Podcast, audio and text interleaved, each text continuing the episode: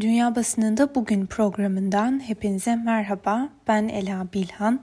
Bugün 23 Aralık Çarşamba ve bugün de dünya basınında öne çıkan haber ve yorumları aktarmak üzere bir kez daha sizlerleyiz.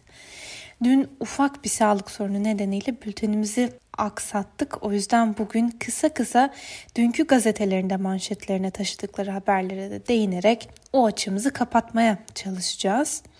Vakit kaybetmeyelim ve bültenimize Amerikan basınıyla başlayalım. ABD'nin son dönemdeki en önemli gündemlerinden biri bir türlü anlaşmaya varılamayan 900 milyar dolarlık teşvik paketiydi. Bu korona yardım paketi son olarak pazar gecesi kongreden geçti ve paket kapsamında Amerikalılara 600 dolara kadar ödeme yapılmasına karar verildi ve bunun dışında işsizlik ödeneklerinin de haftalık 300 dolara çıkması öngörülüyor. Buna karşılık e, demokratlar Joe Biden'ın 20 Ocak'ta göreve gelmesiyle teşvik paketinde artış olmasını bekliyorlar. Biden bu ödemeleri bir peşinat olarak tanımlıyor ve göreve gelmesinin ardından yeni bir destek paketi için çağrıda bulunacağını da açıkladı. Zaten Washington Post ve New York Times gibi gazeteler kararın olumlu bir gelişme olduğunu ancak bir an önce çok daha fazlasına ihtiyaç duyulduğunun da günlerdir altını çiziyorlar. New York Times'in haberine göre bu yeni paket Mart ayında kabul edilen 2.2 trilyon dolarlık paketin neredeyse yarısı değerinde dolayısıyla yeterli değil. Ancak yine de Amerikan Kongresi yardım paketini onaylayarak hem pandeminin darbe vurduğu ekonomiyi canlandıracak önemli bir adım attı hem de federal hükümetin kapanmasını engelledi. Voice of America'nın haberine göre kongrenin hafta sonu oturumunda varılan bu anlaşma en tartışmalı maddeleri kapsam dışı bıraktı. Bunlar arasında Cumhuriyetçi Parti'nin şirketleri koronavirüsü pandemisiyle ilişkili davalardan koruyan kalkan yasa önerisiyle Demokrat Parti'nin nakit sıkıntısı çeken eyalet yönetimleri ve yerel idarelere büyük miktarlarda destek aktarılması talebi bulunuyor. The Washington Post'un e, bu konudaki haberine göre Temsilciler Meclisi yeni bir paketin açıklanması için bastırıyorlar. Ekonomistler 900 milyarlık pakete ek desteklerin yapılması gerektiği görüşünü savunuyor. Bu arada şunu da belirtelim. Bu paket kapsamında vatandaşlara yapılacak yardımlar ve belirli sektörlere ayrılan ödenekler Mart 2021'de de sona eriyor. Öbür taraftan beklenildiğinin aksine e, ABD Başkanı Donald Trump onayına sunulan bu teşvik paketi için utanç verici yorumunu yaptı ve 900 milyar dolarlık yardım paketinin değiştirilmesini istedi. Kongrenin yabancı ülkeler, lobiciler ve özel çıkarlar için bol miktarda para ayırırken neden Amerikan halkına en az parayı ayırdığını soran Trump, gülünç derecede düşük benzetmesini yaptığı kişi başına 600 dolarlık ödemelerinde 2000 dolara çıkarılmasını talep etti. Amerikan basınının gündemindeki bir diğer haber de Trump'la ilgili. Çünkü Trump gider ayak bir kez daha eski danışmanları ve bazı eski milletvekilleri olmak üzere belirli kişilere yönelik bir af çıkarttı. Washington Post'un e, haberine göre aftan yararlanacaklar arasında 3 eski Cumhuriyetçi Kongre üyesi 2016 seçimlerinde Rusya'nın müdahalesine yönelik soruşturma kapsamında suçlardan hüküm giymiş kişiler ve 2007 yılında silahsız Iraklı sivilleri öldürmekten hüküm yiyen kişiler var. New York Times'ın yorumuna göre Noel öncesinde Trump tarafından başlatılan bu af dalgası 20 Ocağı kadar sürecek. Yani süresi dolana kadar Trump başka isimlere yönelik e, af da çıkarabilir. Böylece Beyaz Saray tarafından açıklanan aflarda Trump toplamda 15 kişiyi affetmiş oldu. Şunu da hatırlatalım Trump demokratlar tarafından çok eleştirilmiş olsa da geçtiğimiz ay Rusya soruşturması sırasında FBI'ye yalan söylediği için iki kez suçunu kabul eden eski ulusal güvenlik danışmanı Michael Flynn'i de affetmişti. Hatta bu e, tartışmaları da beraberinde getirmişti. E, ve biz detayı daha hatırlatalım çünkü önemliydi bu. New York Times gazetesi Trump'ın daha önce görülmemiş bir adım atarak görevden ayrılmadan önce kendisi ve ailesi hakkında ileriki dönemde açılabilecek soruşturmalarla ilgili olarak ileriye dönük kendisine de af çıkartabileceğini iddia etmişti ve böyle bir gelişmeyi de ilerleyen günlerde şahit olmamız muhtemel diyelim ve Amerikan basınının gündemindeki bir diğer haberle devam edelim. Geçtiğimiz haftadan bu yana konuşulan, tartışılan ve Rusya kaynaklı olduğu öne sürülen siber saldırılarla ilgili bir haber var. Bu haber neden bu kadar önemli? Çünkü öncelikle Rusya gibi bir ülkeden gelen bir saldırı bu ve onun ötesinde ABD Maliye Bakanlığı da dahil olmak üzere birçok kurum doğrudan hedef alındı ve kişiler ve kurumların e-maillerine de erişim sağlandı. Çalınan bilgilerin boyutu hesaplanamadığı gibi ne amaçla kullanılacakları da hala kestirilemiyor. Son olarak Amerikan basınından aktardığımız yorumlarda Trump'ın aksine Biden'ın bu siber saldırıları daha ciddiye alacağı hatta göreve geldikten sonra tespit edilen sorumlulara yaptırım uygulanmasının da gündeme geleceğini aktarmıştık. Bugün Amerikan basınında yer alan haberlere göre Başkan Donald Trump saldırının boyutunun iddia edildiği oranda ciddi olmayabileceğini söyledi ve saldırıdan Çin'in sorumlu olabileceğini iddia etti.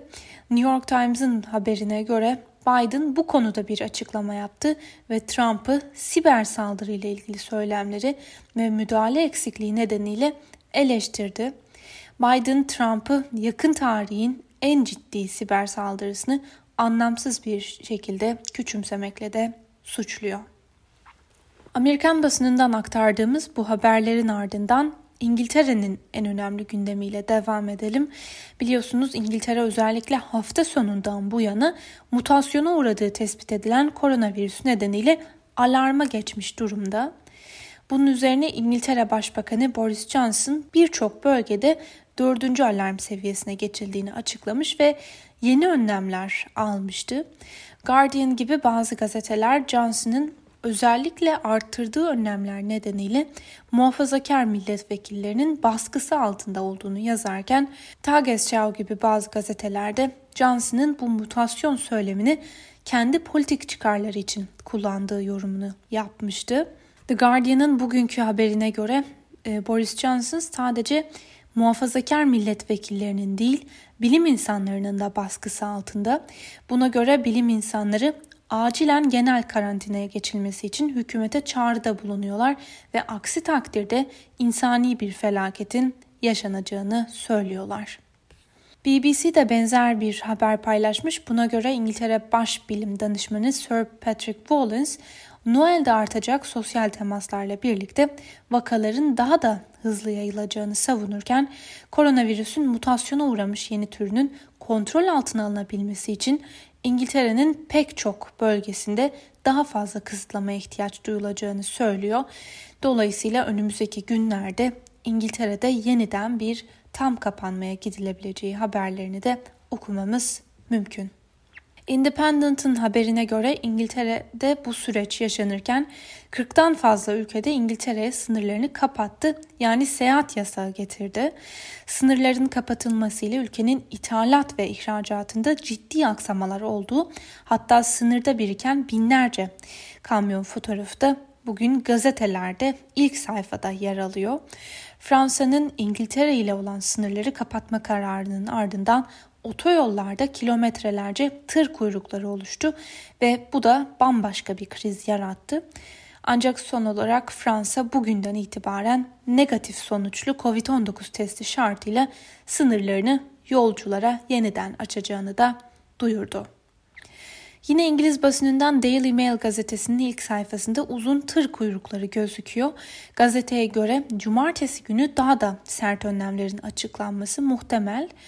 The Daily Telegraph'ın da manşetinde bu haber var ve yine tırların binlerce kilometrelik kuyruklar oluşturduğu belirtilen bir fotoğraf paylaşılmış. Gazeteye göre kısa bir süre sonra dördüncü seviye kısıtlamaların ülke çapında yaygınlaştırılması muhtemel. The Times gazetesi ise bugün manşetine taşıdığı bu haberle ilgili şu yorumu yapıyor. Bu tür olağanüstü hallerde parlamentonun Noel tatilini bitirip iş başına geçmesi gerekir. Siyasiler bu durum dışındaki tüm işlerini ertelemeli. Öncelik aşı programının hızlandırılması olmalı. The Guardian ise bu konuda aktardığı yorumda hükümet yine geç kaldı yorumunu yapmış. Bunun dışında The Guardian'ın bugünkü manşetinde bambaşka bir haber var. Buna göre ulusal sağlık sistemi yetkilileri COVID-19 aşısının yaygınlaştırılması ile ilgili endişelerini dile getiriyorlar.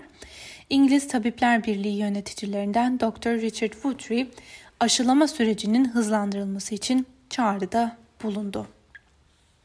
Bu arada az önce Amerikan basınına değinirken New York Times gazetesindeki şu yorumu da aktarmadık. E, yeri gelmişken ekleyelim. Mutasyon geçiren virüsle ilgili New York Times şöyle bir yorum yapmış.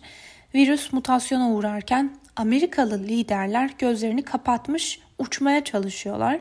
Seyahat yasakları atılmış doğru bir adım olabilir ancak ülkenin salgınlar konusunda çok daha etkili adımlar atmaya ihtiyacı var. Bunun dışında Avrupa basını İngiltere'deki bu gelişmeleri çok çok yakından takip ederken Fransız Le Figaro yaşanan gelişmelerin Avrupa ülkeleri arasında yeniden bir endişeye yol açtığını yazmış. Estonya basını ise şu yorumu yapıyor. Londra mutasyon haberini geç vererek krizi olağanüstü kötü yönettiğini bir kez daha gösterdi. İşte güven böyle kaybedilir. Virüsün İngiltere'de mutasyona uğrayarak daha bulaşıcı hale geldiği yönündeki haberler tartışılırken Almanya aşılama takvimini netleştirdi. 83 milyon nüfusa sahip olan Almanya, BioNTech ile 68 milyon e, vatandaşı için bir anlaşma imzaladı. Böylece toplam 136 milyon 300 bin doz aşı ısmarlayan Alman hükümeti 2021 yılının Aralık ayına kadar talep eden e, her vatandaşının aşı olmasını planlıyor. İlk aşılamanın 27 Aralık'ta başlaması beklenirken ilk aşılama sürecinde 5 milyon 400 bin 80 yaş üstü olan kişi, bakım evlerinde kalanlar 1 milyon sağlık çalışanı ve organ bağışı bekleyen ve organ bağışı yaptıran hastalar aşılanacak. Alman basınından Süddeutsche Zeitung geçtiğimiz hafta vaka sayısının aynı hızla artmaya devam etmesi durumunda Almanya'da yoğun bakım ünitelerinin birkaç hafta içinde kapasite sınırına ulaşabileceğini e, belirtmiş ve ülkede bazı hastalara öncelik verilmesi gerekebileceği yönündeki tartışmalarında fitilini ateşledi. Alman basınından Deutsche Welle'de olduğu gibi hem Alman hem de Türk basınında geniş yer bulan bir diğer habere göre de Almanya Dışişleri Bakanı Heiko Maas, Türkiye'ye silah ambargosu uygulanması önerisine karşı olduğunu söyledi. Maas, Türkiye'nin NATO üyesi olduğuna da dikkat çekti. Yine Alman basınından Die Welt'in gündemindeki bir habere de kısaca değinelim. Almanya koronavirüs salgını nedeniyle KDV'lerde bir indirime gitmiş ve bazı iş yerlerini belirli bir oranda vergiden muaf tutmuştu. Ancak e, Die Welt'in bugünkü haberine göre Almanya'nın pek de etraflıca düşünmediği bu hesap pahalıya mal oldu. Çünkü bu vergi indirimlerinin bedeli 20 milyar euroyu aştı. Euronews'un bir haberiyle devam edelim. Eski Fransa Cumhurbaşkanı Nicolas Sarkozy'nin kurduğu Merkez Sağ Partisi Cumhuriyetçiler, laiklik ilkesinin korunması için üniversitelere başörtüsü yasağının getirilmesi çağrısında bulundu. İspanya parlamentosu 2021 bütçesini onayladı. Aktarılan haberlere göre bütçe belirlenirken AB Kurtarma Fonu'nun da ekonomide etkili olacağı belirtildi. İspanyol basınında yer alan haberlere göre hükümet 2021 yılında gelirlerini 6.8 milyar euro arttırmak için büyük şirketlere ve yüksek gelirli kişilere yönelik vergileri arttırmayı ve bu kapsamda ekonomik daralma konusunda kaynak yaratmayı planladığını duyurdu. Eurotopics'te aktarılan bir habere de kısaca göz atalım. Macaristan muhalefeti Orban'a karşı birleşiyor. Macaristan'da 6 ayrı muhalefet partisi 2022 yılındaki parlamento seçimine birlikte gireceklerine dair ortak bir açıklama imzaladı. Aralarındaki anlaşma kapsamında seçime tek listeyle katılacak ve her seçim bölgesinde ortak aday gösterecekler. Köşe yazarları ittifakın Orban iktidarını yerinden etme ihtimalini değerlendirmeye başladı. Örneğin Macar basınından Magyar Hank gazetesi muhalefetin bu ittifaka yüklediği umutlar fazlasıyla büyük yorumunu yapmış. Öncelikle seçimin kazanılması gerekiyor. Hatta bu da yeterli değil. Zira muhalefetin koyduğu somut hedeflerin çoğuna ulaşmak için parlamentoda üçte ikilik bir çoğunluğa ihtiyaç var. Muhalefetin işi hiç de kolay değil çünkü kendi içinde bir zamanlar tasfiye edilmiş bir geçmişi temsil eden siyasi bir blokun sözü geçiyor. Alman basınından Süddeutsche Zeitung konuyla ilgili farklı bir yorum yapmış.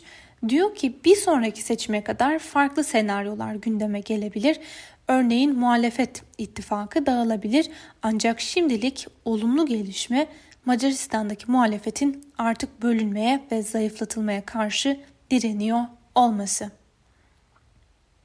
Bir diğer haberle devam edelim. Ermenistan'da Dağlık Karabağ Ateşkes Anlaşması'nı imzalayan Başbakan Paşinyan'a istifa baskısı sürüyor.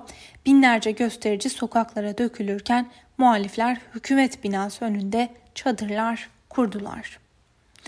İsrail'e ilişkin bir haberle devam edelim. Malum İsrail'de uzun süredir iktidar ortakları e, Benny Gantz ve Netanyahu arasında aşılamayan bir kriz var.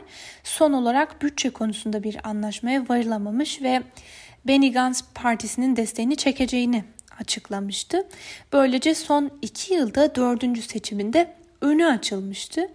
Beklendiği gibi de oldu çünkü İsrail'de koalisyon hükümetinin 2020 bütçesi konusunda anlaşamaması nedeniyle ülkede yeniden erken seçim kararı alındı. Euronews'un haberine göre Başbakan Netanyahu'nun partisi Likud ile koalisyon ortağı Savunma Bakanı Gantz'ın liderliğindeki Mavi Beyaz İttifakı'nın 2020 bütçesini tanınan sürede meclisten geçirememesi nedeniyle ülke yeniden erken seçime gidecek. Jerusalem Post gazetesi ise geçtiğimiz günlerde seçim yapmaya gerek olmadığını çünkü zaten sonucun uzun süredir değişmediğini yazmıştı. Ve son olarak Rus basınından Moscow Times'ın gündemindeki çok önemli bir haberi de sizlere aktaralım. Rusya Devlet Başkanı Vladimir Putin eski devlet başkanlarının görevden ayrıldıktan sonra kendileri ve ailelerini yaşam boyu dokunulmazlık tanıyan yasayı onayladı. Yasa eski devlet başkanlarını idari veya cezai sorumluluk getirilmemesini garanti ediyor. Yani yasa ile devlet başkanları görevden ayrıldıktan sonra da kendileri ve ailelerinin yaşadıkları sürede işledikleri suçlardan dokunulmazlıkları olacak. Bu kişiler polis veya savcılık makamları tarafından soruşturulamayacak, aramaya veya gözaltına tabi olmayacak. Öte yandan Rus muhalif Navalny'nin zehirlendiği sürecin başından bu yana Avrupa Birliği ve Rusya arasında bu yaşananlarla ilgili bir kriz yaşanıyor. Son olarak Kremlin, Rus muhalif politikacı Navalny'nin zehirlenmesiyle ilgili olarak Putin'in yakın çalışanlarını hedef alan AB yaptırımlarına misillemeyle karşılık verileceğini duyurdu. Sevgili Özgürüz Radyo dinleyicileri, Rus basınından aktardığımız bu haberle birlikte bugünkü programımızın da sonuna geldik. Bültenimizi kapatırken kısa bir hatırlatma da yapalım. Özgürüz Radyo'nun birçok programı gibi Dünya Basınında Bugün programını da hem Spotify hem de Apple Podcast üzerinden dinleyebilir ve her an takip edebilirsiniz diyelim ve bugünkü programımızı da böylece noktalayalım. Yarın aynı saatte tekrar görüşmek dileğiyle şimdilik hoşçakalın.